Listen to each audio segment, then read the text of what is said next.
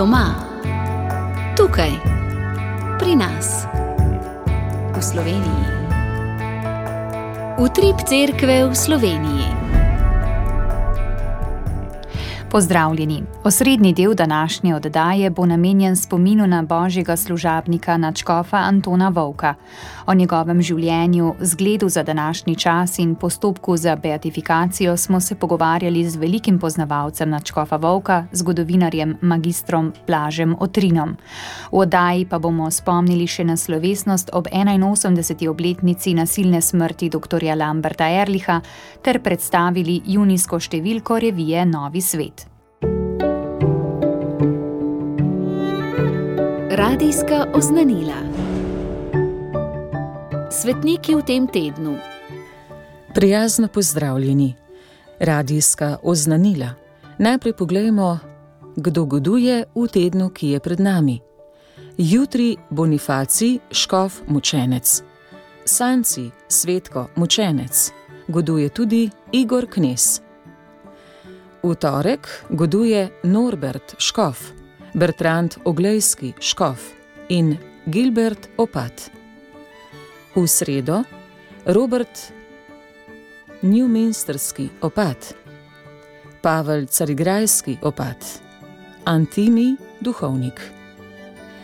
V četrtek goduje Medard Škof, Armand Redovnik.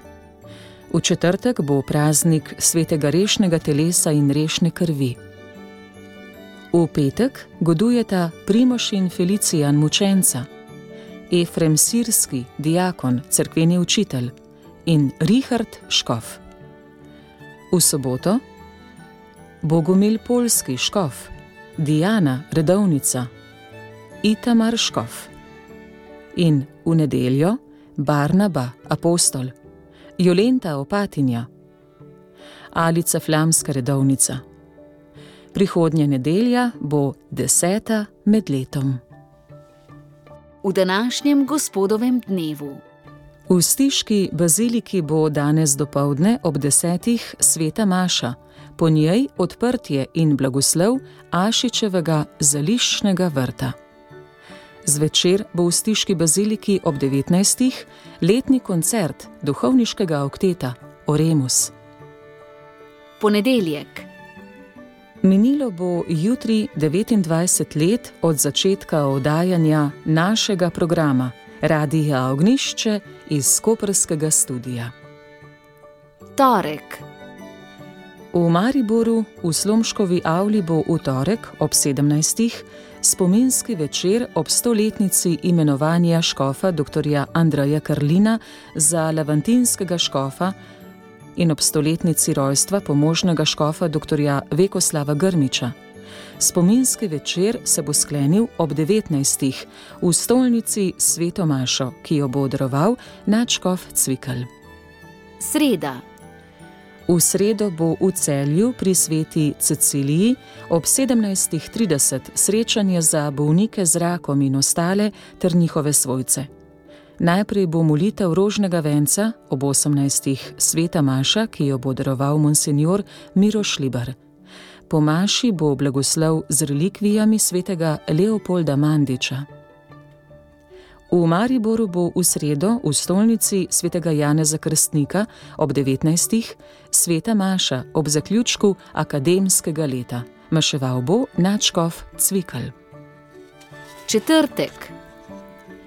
V četrtek bo slovesen in zapovedan praznik svetega rešnega telesa in rešne krvi, ki vabi k udeležbi pri sveti Maši. V četrtek bo v Ljubljani v stolnici svetega Nikolaja ob 18.30 slovesna Maša v prazniku, ki jo bo daroval Načkov Zore. Petek. Na Brezijah bo v petek v baziliki Marije Pomagaj ob 18.30 rožni venec ob 19. sveta Maša za bolnike z rakom ter za njihove svojce in prijatelje.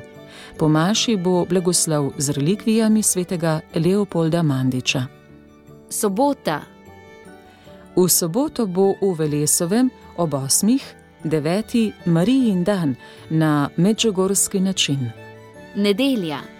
Prihodnjo nedeljo bo v župniji Crklje na Gorenskem pri tamkajšnji podružni cerkvi v Zalogu ob 9.30 blagoslovitev obnovljenega zvonika in sveta Maša, daroval jo bo Načko vzore.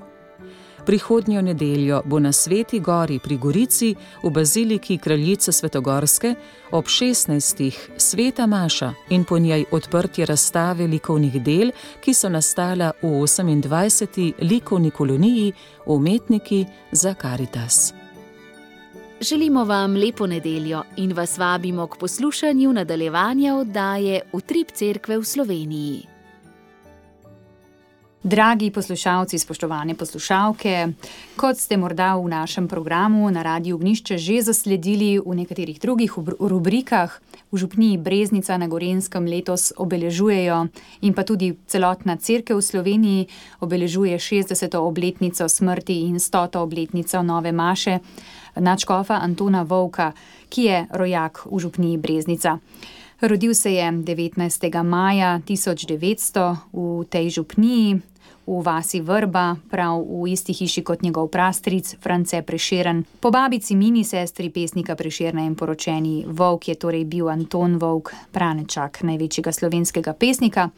Leto obletnic načkofa Antona Vovka obeležujejo v Breznici tudi z Vovkovimi dnevi, z dogodki med 19. majem in 18. junijem, ki želijo obuditi spomin na tega pokončnega slovenca, ki je bil leta 1952 v Novem mestu žrtev napada z zažigom, odkudar ga mnogi poznamo tudi pod vzevkom Goreči Škov.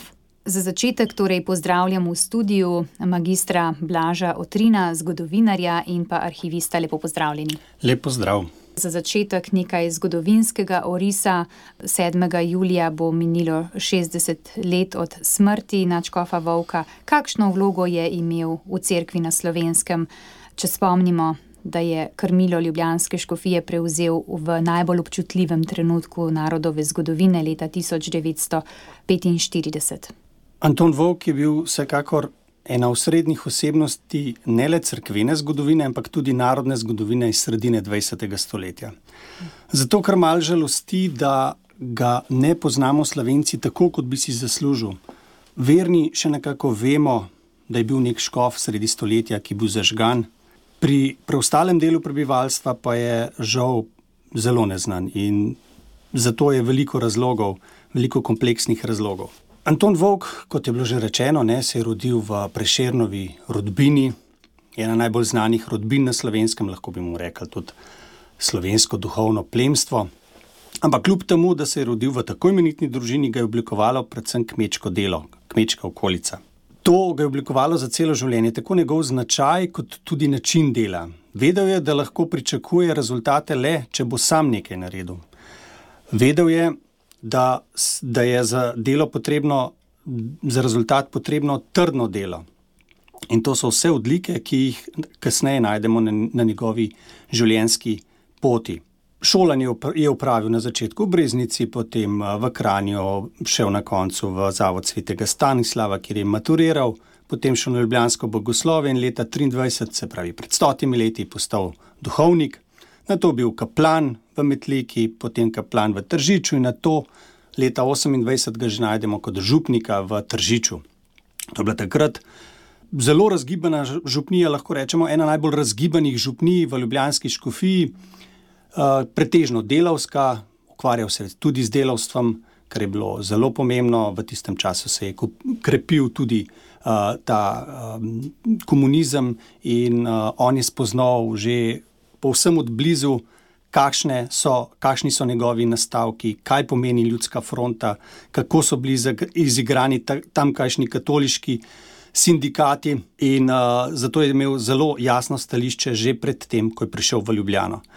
Predvsem pa se je izoblikoval tudi kot, oziroma so ga prepoznali kot izjemnega mentorja za svoje kaplane, bil je uh, njihov, njihov, lahko bi rekli, oče, veliko jih je izmenjal, dva kaplana sta, bili, sta bila takrat v Tržiču. In ko so v Ljubljani začeli graditi Baragovo semenišče, to je danes stavba, kjer je festivalna dvorana, ki je bila ne, sicer namenjena za bodoče novo središče škofije oziroma semenišče, kar se pa žal pač ni zgodilo po vojni, ko je bila stavba nacionalizirana.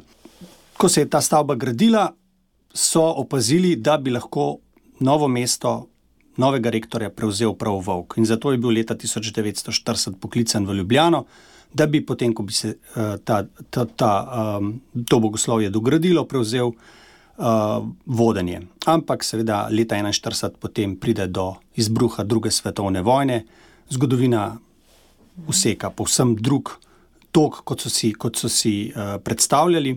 In Vovk postane predsednik Škofijskega odbora za pomoč duhovnikom beguncem ima na skrbi vse stotine beguncev, duhovnikov, ki so se z nemškega okupacijskega območja potem uh, pribežali v Ljubljansko pokrajino in to je bilo težaško in pa zelo odgovorno delo. In Vok se je izkazal zopet kot zelo praktičen človek, za vse te ljudi je priskrbel uh, domovanje, perilo in tako naprej. V letu 1944 potem prevzame še mesto rektorja semenišča, čeprav je bilo takrat semenišče bolj kot ne prazno. In po letu 1945, ko Škof Vovk oziroma Škof Rožman zapusti Škofijo in ko po nekaj tednih zaprejo generalnega vikarja Ignacija Nadraha, 15. junija 1945 prevzame mesto generalnega vikarja in, in od takrat naprej pa vse do smrti vodi osrednjo slovensko škofijo, osrednjo slovensko škofijo, ljubljansko škofijo. Partija seveda po letu 1945 takoj obračuna z vsemi, z vsemi svojimi nasprotniki, tako dejanskimi, kot tudi potencialnimi, na sodiščih, na moriščih, v zaporih in crkva ostane edina struktura, ki jo še ni uspelo usvojiti. In zaradi tega se seveda stalno zaganja vanjo nek sistem, kot je pač komunistična partija ne tolerira nobenega oponenta.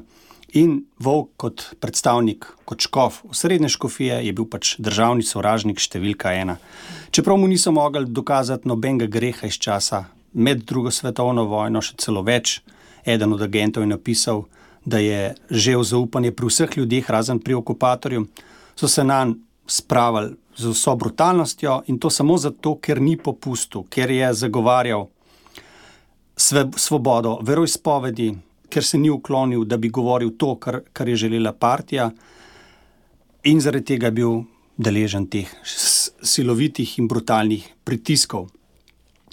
In to je v tistem času odmevalo tudi pri ljudeh, da obstaja nek, nek škof, ki se bori, ki, se, ki je neustrašen. Seveda po zažigu leta 1952 postane simbol tega, ta, ta podatek, ta novica o tem zažigu se je razplamtela kot ogen, ne samo po, ne samo po celi škofiji, ampak tudi izven. To je imelo pri ljudeh izjemen, izjemen vpliv, da, se, da je nekdo, ki se upa zoprstaviti tej oblasti. In zato ne čudi, da je France Bučar dejal, da je bil prav Vovk tisti, ki je postal temelje za vse une kasnejše borce za neodvisnost in svobodno Slovenijo iz sredine 20. stoletja in da bi prav njemu mogli postaviti spomenik sredi Ljubljane, kar seveda eh, še dolgo žal ne bo mogoče. In da je v njem z velikim občudovanjem nam gledal tudi uh, arhitekt Plečnik in mu po zažigu potem zasnoval novi škofijski prestol v Ljubljanski stolnici, ki ga lahko danes občudujemo. V tistem času se pravi, je, po, je, je, je, je pomenil stebr očaka, okrog katerega se je, se je zbiralo preganjeno, preganjeno, preganjeno ljudstvo, in to je bilo uh, za, ne samo za crkvo, ampak tudi za vse ostale, ki so nasprotovali temu enopartijskemu sistemu, pač zelo pomembno. Če se spomnimo na obletnico rojstva blaženega mučenca Lojzija Grozdeta, ki smo jo praznovali pred kratkim, ko je bilo na zaplazu zelo slovesno in je načkov zore omenil nekatere lastnosti, po katerih nam lahko ta mučenec eh, govori danes, kakšne lastnosti izstopajo pri načkofu Vovku v današnjem času. Eh, naj na začetku priznam, da mi je eh, škof skozi leta, ko se človek ukvarja z njegovo pisno dediščino, tudi zlezel pod kožo, čeprav je čisto drug tip človeka, kot sem sam, oziroma kot so mi drugače, blizu. Vem, ker sem študiral tudi filozofijo, so mi blizu ljudje z abstraktnim mišljenjem, mhm. bogoiskatelji in tako naprej. Pri Škofu Volku pa gre za povsem drugačno osebnost, zelo stvarno, zelo praktično, zelo domačo. Uh, ta kmečko okolje ga je res uh, zaznamovalo. In na prvem mestu tukaj lahko podarimo njegovo vero. Ne. Ta vera ni bila abstraktna, ampak je bila otipljiva, tako kot stvari, ki jih vidimo, kot kruh, kot kozarec vina, nekaj, kar si lahko dobesedno utipal. In to veje tudi z njegovih številnih, številnih pridig, na katere se je izjemno vestno pripravljal. V arhivu hranimo kar nekaj arhivskih škatelj, natipkanih pridig, kajti za vsako pridigo se je pripravil, jo natipkal, čeprav je potem, potem prosto govoril. In iz teh pridig veje ta njegova res uh, globoka, globoka vera, uh, zaupanje v Marijo, čaščenje srca Jezusovega. Verjetno ena najboljših pridig, sploh, po mojem mnenju, v 20. stoletju je pridiga z leta 57, ob 50-letnici kronanja Marine podobe na Brezjah, ne, ko ima tisto slavno pridigo, kako. Ker piha, oziroma slovencem pravi, da naj varujejo to, kar je najdražje, kar so dobili od svojih prednikov, vero, in da naj bodo močni kot hrast sredi poljane, ki se bojuje proti vetrovom. To ni bila zgolj teorija, to je povedal nekdo, ki je tako tudi živel in zaradi tega se je tudi tako močno zapisalo v srca, v srca slovencev. Vsekakor je ena teh lastnosti res ta trdna, trdna vera. Druga je samozavest. Bil je izjemno ponosen, da je slovenec in da je katoličan. In to je večkrat, večkrat povedal. Ne mu je bilo samo umevno, da je na zasedanjih Jugoslovanske škofovske konference govoril slovensko, ker je bil pač slovenec. Večkrat je tudi zabrusil svojim zasliševalcem, ki so namigovali, da bi ga lahko spodili čez mejo. Je rekel, če, ga, če me boste trikrat vrgli čez mejo, se bom petkrat vrnil nazaj. In ta samozavest je vejala že iz, seveda tudi iz njegove same podobe, ne bil je orjak, ne bil je velik že po postavi z gromkim glasom. Že sama ta postava je, je ljudem dajala neko zaupanje, da me opraviti, opraviti za, za očakom. Ne, mogoče čisto mimo grede, to sem zdaj v teh dneh, ko smo se pripravljali tudi svetu. Njegov prav pranečak je Marko Milič, ne, tudi visok človek ne, in verjetno to višino ima po tej ja, ja. volkovi liniji oziroma po tej liniji uh, prešernovi. Tako markantna osebnost. Markantna osebnost, s tem, da je bil volk še malce, malce močnejši. Ne? Ker je rekel, da morajo a, živci plavati v masti. Komu je zdravnik svetoval zaradi tega, ker je bil pač ja, kar precej stresno delo. Samo zavest, ne? potem je trdnost v, v identiteti. Ni se pustil ukloniti temu partijskemu pritisku. Stalno so mu namigovali, da mu bodo dali mir, če bo recimo dovolil bogoslovcem, da se učijo o marksizmu in socializmu, da bo propagiral socialistično družbeno stvarnost in tako naprej, da bo dobil tajno oni privilegij. Ampak je pri trdno ustrajal, da bo pač kot škof zagovarjal načela cerkve oziroma cerkvenega učiteljstva. Tudi to je lastnost, ki je danes zelo, zelo pomembna. Vse vidimo, recimo, kje končuje nemška cerkev brez identitete, brez, brez tega, da bi sploh vedela, kaj bi sama sabo. Potem je suvereno odgovorno vodenje. Kjerkoli se je najdel, na kateri koli situaciji, je vedno gledal, kaj in kako lahko neko, neko stvar naredi. Ne, da bi se smilil, kaj ne more narediti, pa čeprav bile, je bila situacija po letu 45 zelo težka, ampak tudi v tisti situaciji se je vedno znašel in vedno delal. In pa ne na zadnje, seveda tudi humor. Ne. Lahko bi pričakovali od enega takega človeka, da bo zagrenjen, spričo vseh pritiskov, spričo vsega nadlegovanja, maltretiranja in tako naprej. Ampak vedno je ohranil dobro voljo na slikah, ki so ohranjene na fotografijah, ga velikrat v duhovniški družbi vidimo kot nasmejanga, kot tistega, ki je središče družbe. In to je bilo tudi zelo pomembno, da je prinašal samozavest in veselje kamorkoli se je, se je postavil. In na koncu pa tudi ta velika ljubezen do duhovnikov. Ne, to, kar je zapisal tudi na koncu v svoji duhovni poroki, kjer, ki vedno, vedno znova lahko uh, začutimo in zasledimo, je ta uh, velika ljubezen in pa uh, spremljanje vsakega duhovnika na, na njegovi poti. Njegova pisarna je bila vedno odprta in to je tudi ena izmed njegovih lastnosti, ki je verjetno zelo pomembna. Magister Blažo Trin, ste velik poznavalec ja, življenja, dela načkofa Antona Vovka, ker ste tudi v zgodovinski komisiji v postopku oziroma za postopek beatifikacije načkofa Vovka. Pa se ustaviva še za nekaj minut pri tem 20. januarju 1952, ko je bil takrat še kot ljubljanski pomožni škof žrtev poskusa atentata. Kaj vemo danes o tem dnevu, ali so prišle na dan tudi kakšne pomembne nove podrobnosti od takrat? Gre gotovo za enega izmed dogodkov, ki bi mu lahko rekli, da je prerasel v simbol, oziroma bi moral biti še bolj prisoten v zavesti vseh vernih in tudi celotnega naroda. Tako kot je zažig narodnega doma v Trstu, pomeni simbol preganjanja slovencev na primorskem pomeni ta dogodek, simbolni dogodek preganjanja vseh vernih po drugi svetovni vojni.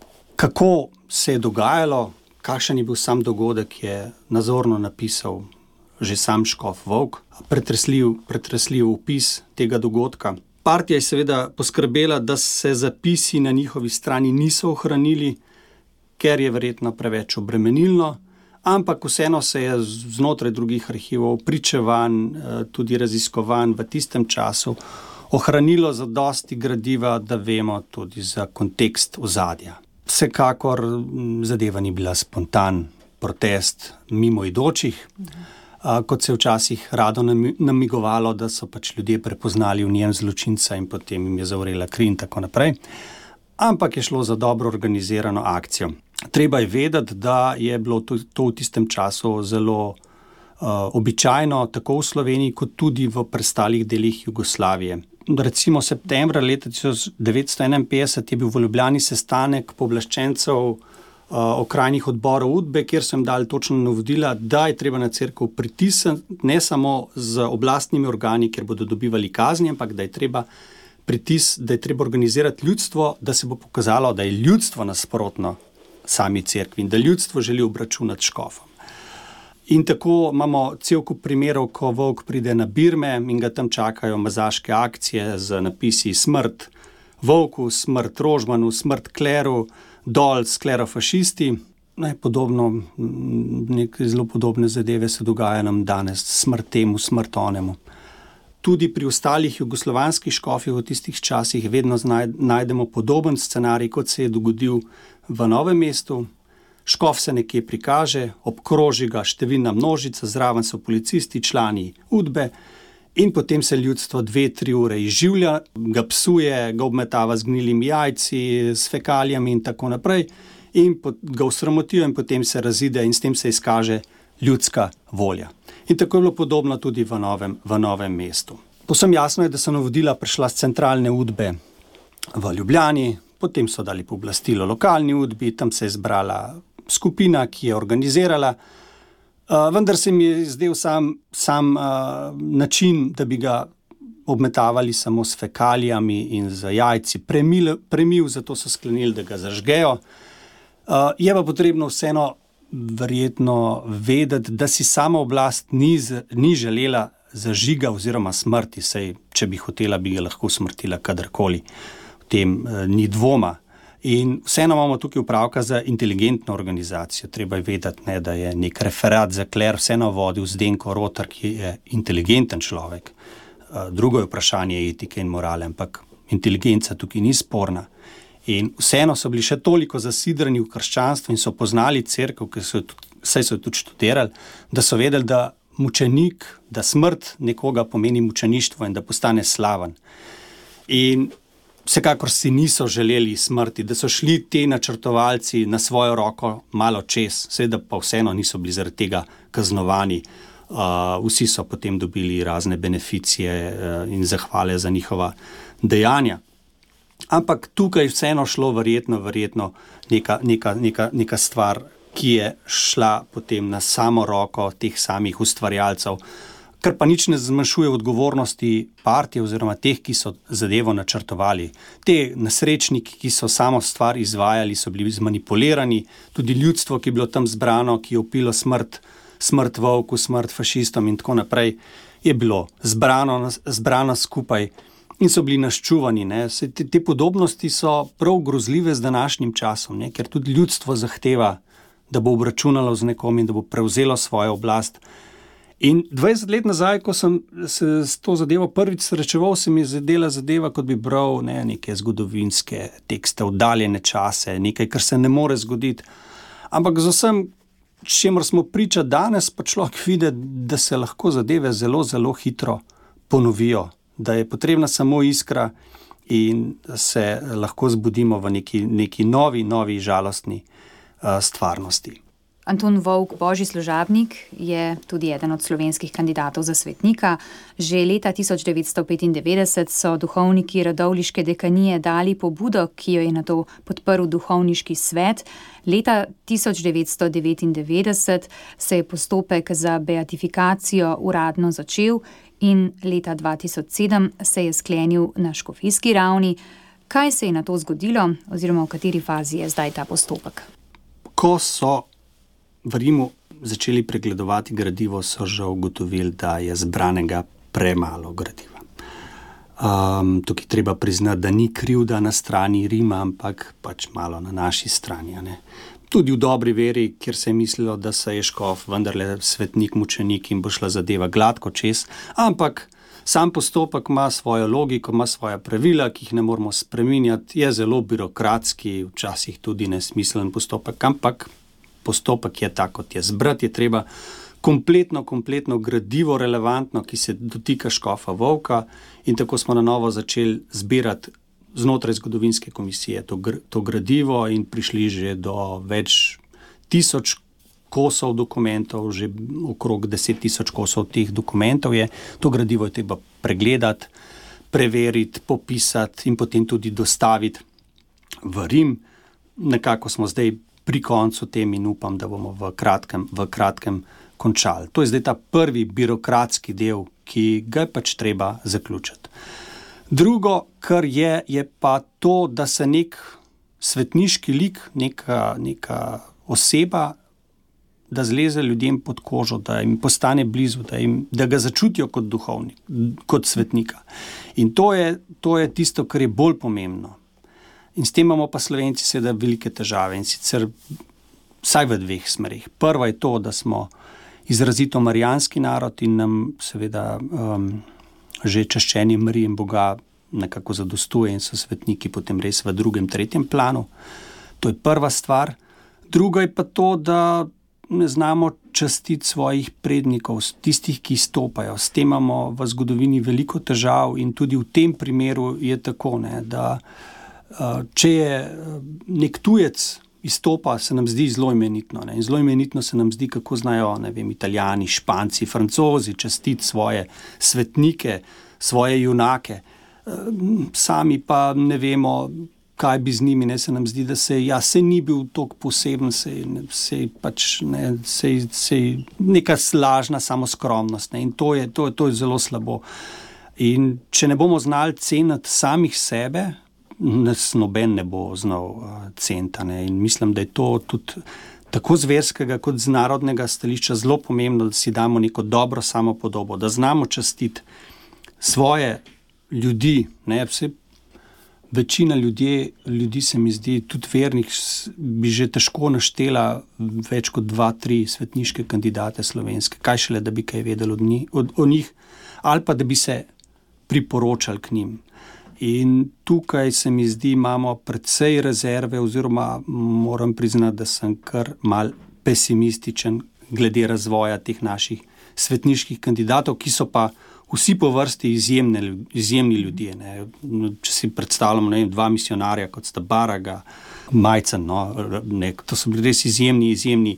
Uh, misionarji ali pa nek asket in mislec kot te strlene. To so bili res izjemni ljudje, ampak žal se to ne zasidra v, v zavesti slovenskih vernih ljudi. Mogoče še za sklep tega najnega pogovora, magistr Blašo Trin, ker bo 7. julija minilo 60 let od tega, kar je Načkov Vovk odšel v večnost, se rodil za nebesa, morda za konec spomin na kakšen pomenljiv dogodek ali pa besede iz časa pred smrtjo Načkova Vovka in kaj nam sporočajo za današnji čas.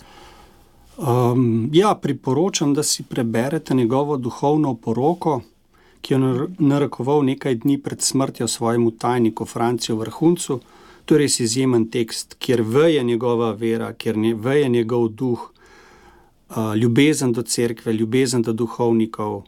In ta tekst zaključuje s svojim geslom: Zaupajmo v Gospoda in molimo drug za drugega. To se mi zdi, da zelo dobro ponazarja tudi njegovo oporoko. Najlepša hvala, magister Otrin, za ta pogovor in vse dobro pri vašem delu še naprej vam želimo. Hvala vam. Poslušate podcast Radio Ognišče. Podprite nas svojo oceno. V soboto 26. maja pa je minilo 81 let od nasilne smrti dr. Lamberta Erliha, profesorja etnologije in primerjalnega veroslovja na Teološki fakulteti Slovenske univerze. Najeti morilec ga je ustrelil pred ljudsko kuhinjo na streliški cesti v Ljubljani in zraven tudi njegovega spremljevalca, študenta Viktorja Rojca, ko sta se vračala od svete Maše.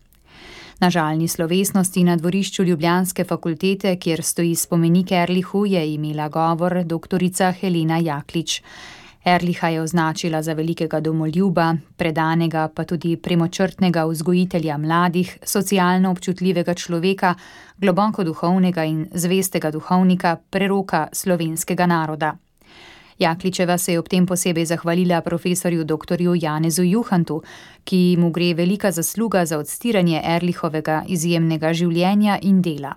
Dr. Juhant pa je v nagovoru pri Sveti Maši navajal besede, ki jih je ob 25. obletnici umora pokojnega Erliha leta 1967 izrekel profesor Milan Komar v Buenos Airesu.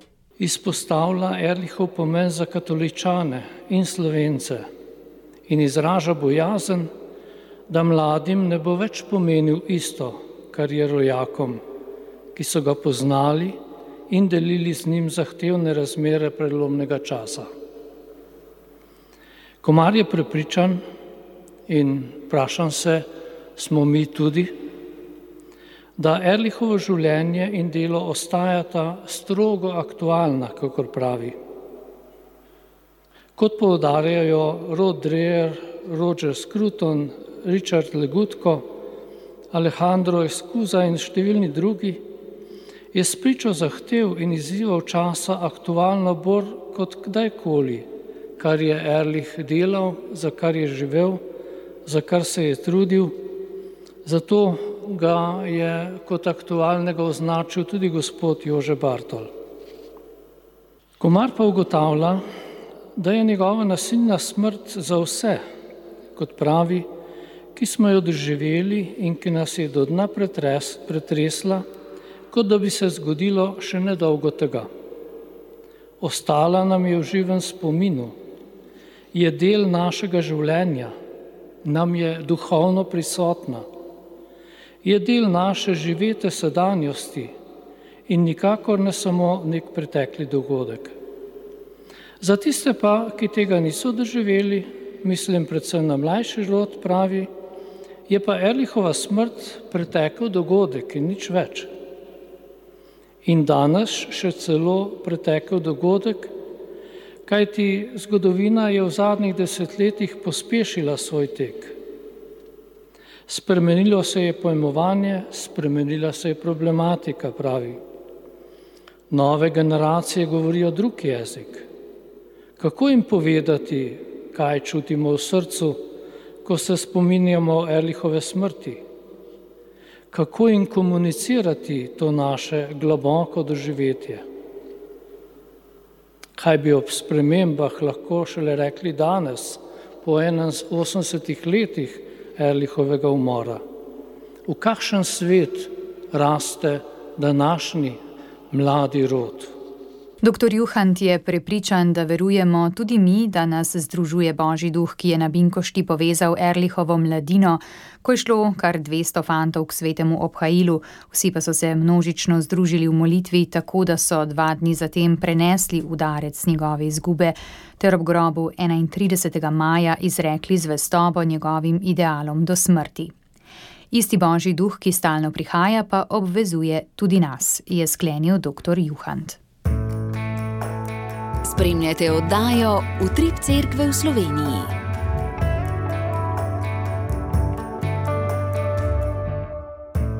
Novi svet, revija za duhovnost, edinosti in kulturo dialoga. Junijska številka revije Novi svet prinaša kolumno dr.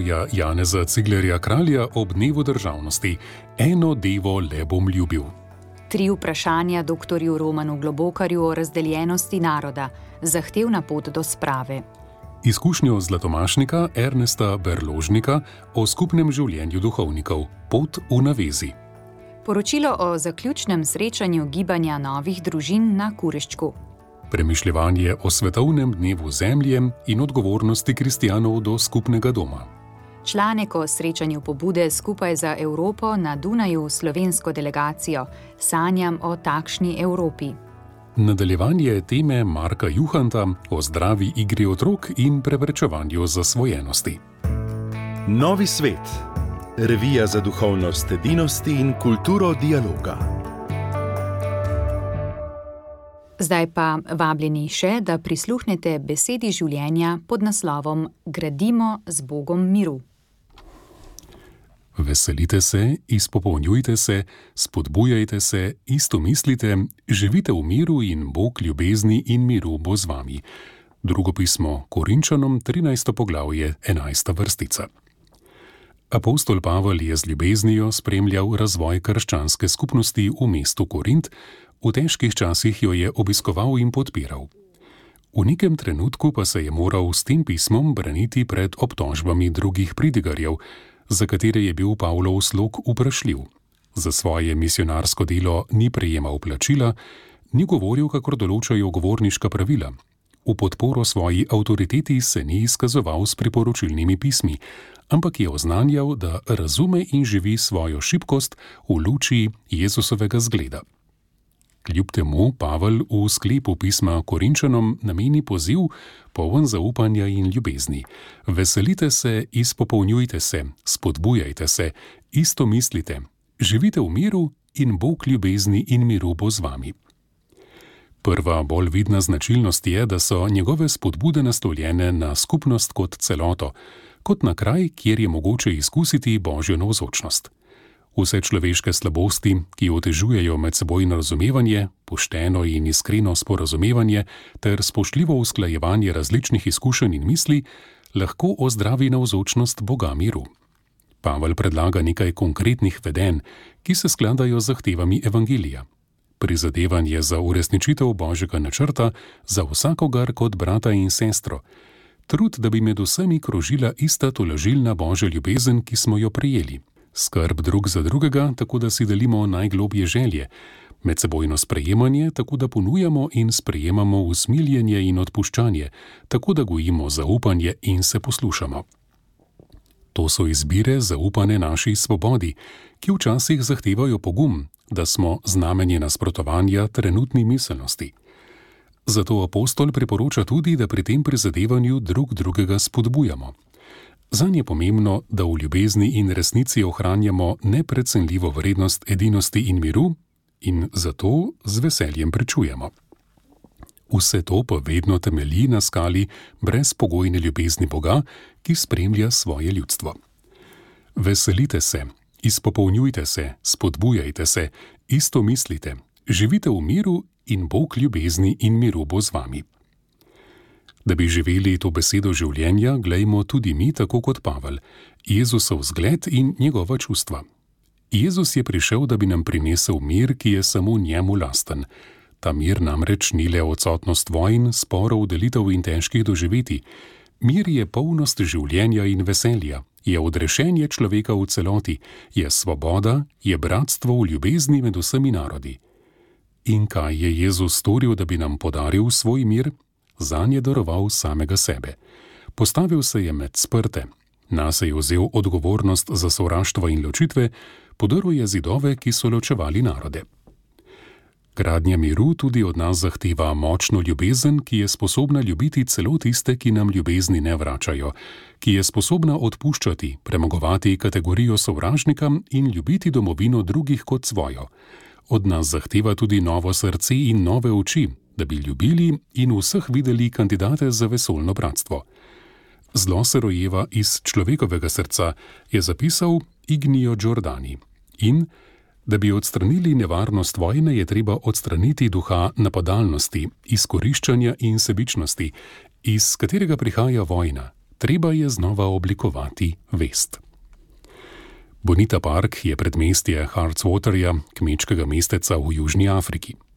Tako kot v preostalih delih države, so tudi tu še vedno žive posledice podedovane od režima apartheida, zlasti na področju izobraževanja. Izobraževalne sposobnosti mladih, ki pripadajo skupinam črnih otrok ali mešancev, so veliko slabše od tistih, ki jih imajo pripadniki drugih etničnih skupin, zaradi česar obstaja nevarnost, da bi bili odrinjeni na rob družbe.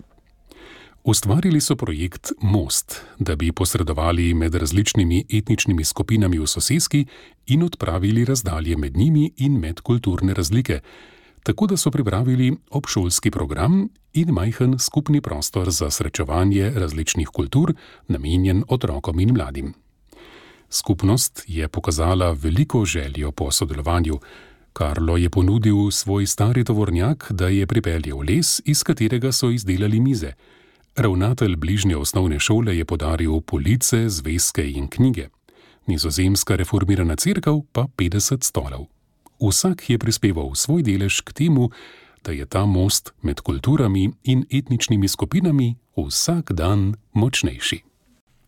Besedo življenja iz revije Novi svet je prebral Matjaš Merljak. Petra Stopar pa se vam zahvaljujem za pozornost v oddaji in vam na današnjo junijsko nedeljo želim lep vstop v koledarsko poletje. Oddaja vam je na voljo tudi med podcasti in v našem audio arhivu obiščite radio.ognisce.si. Hvala za poslušanje. Podprite brezplačen dostop do naših vsebin in postanite prijatelj Radia Ognišče.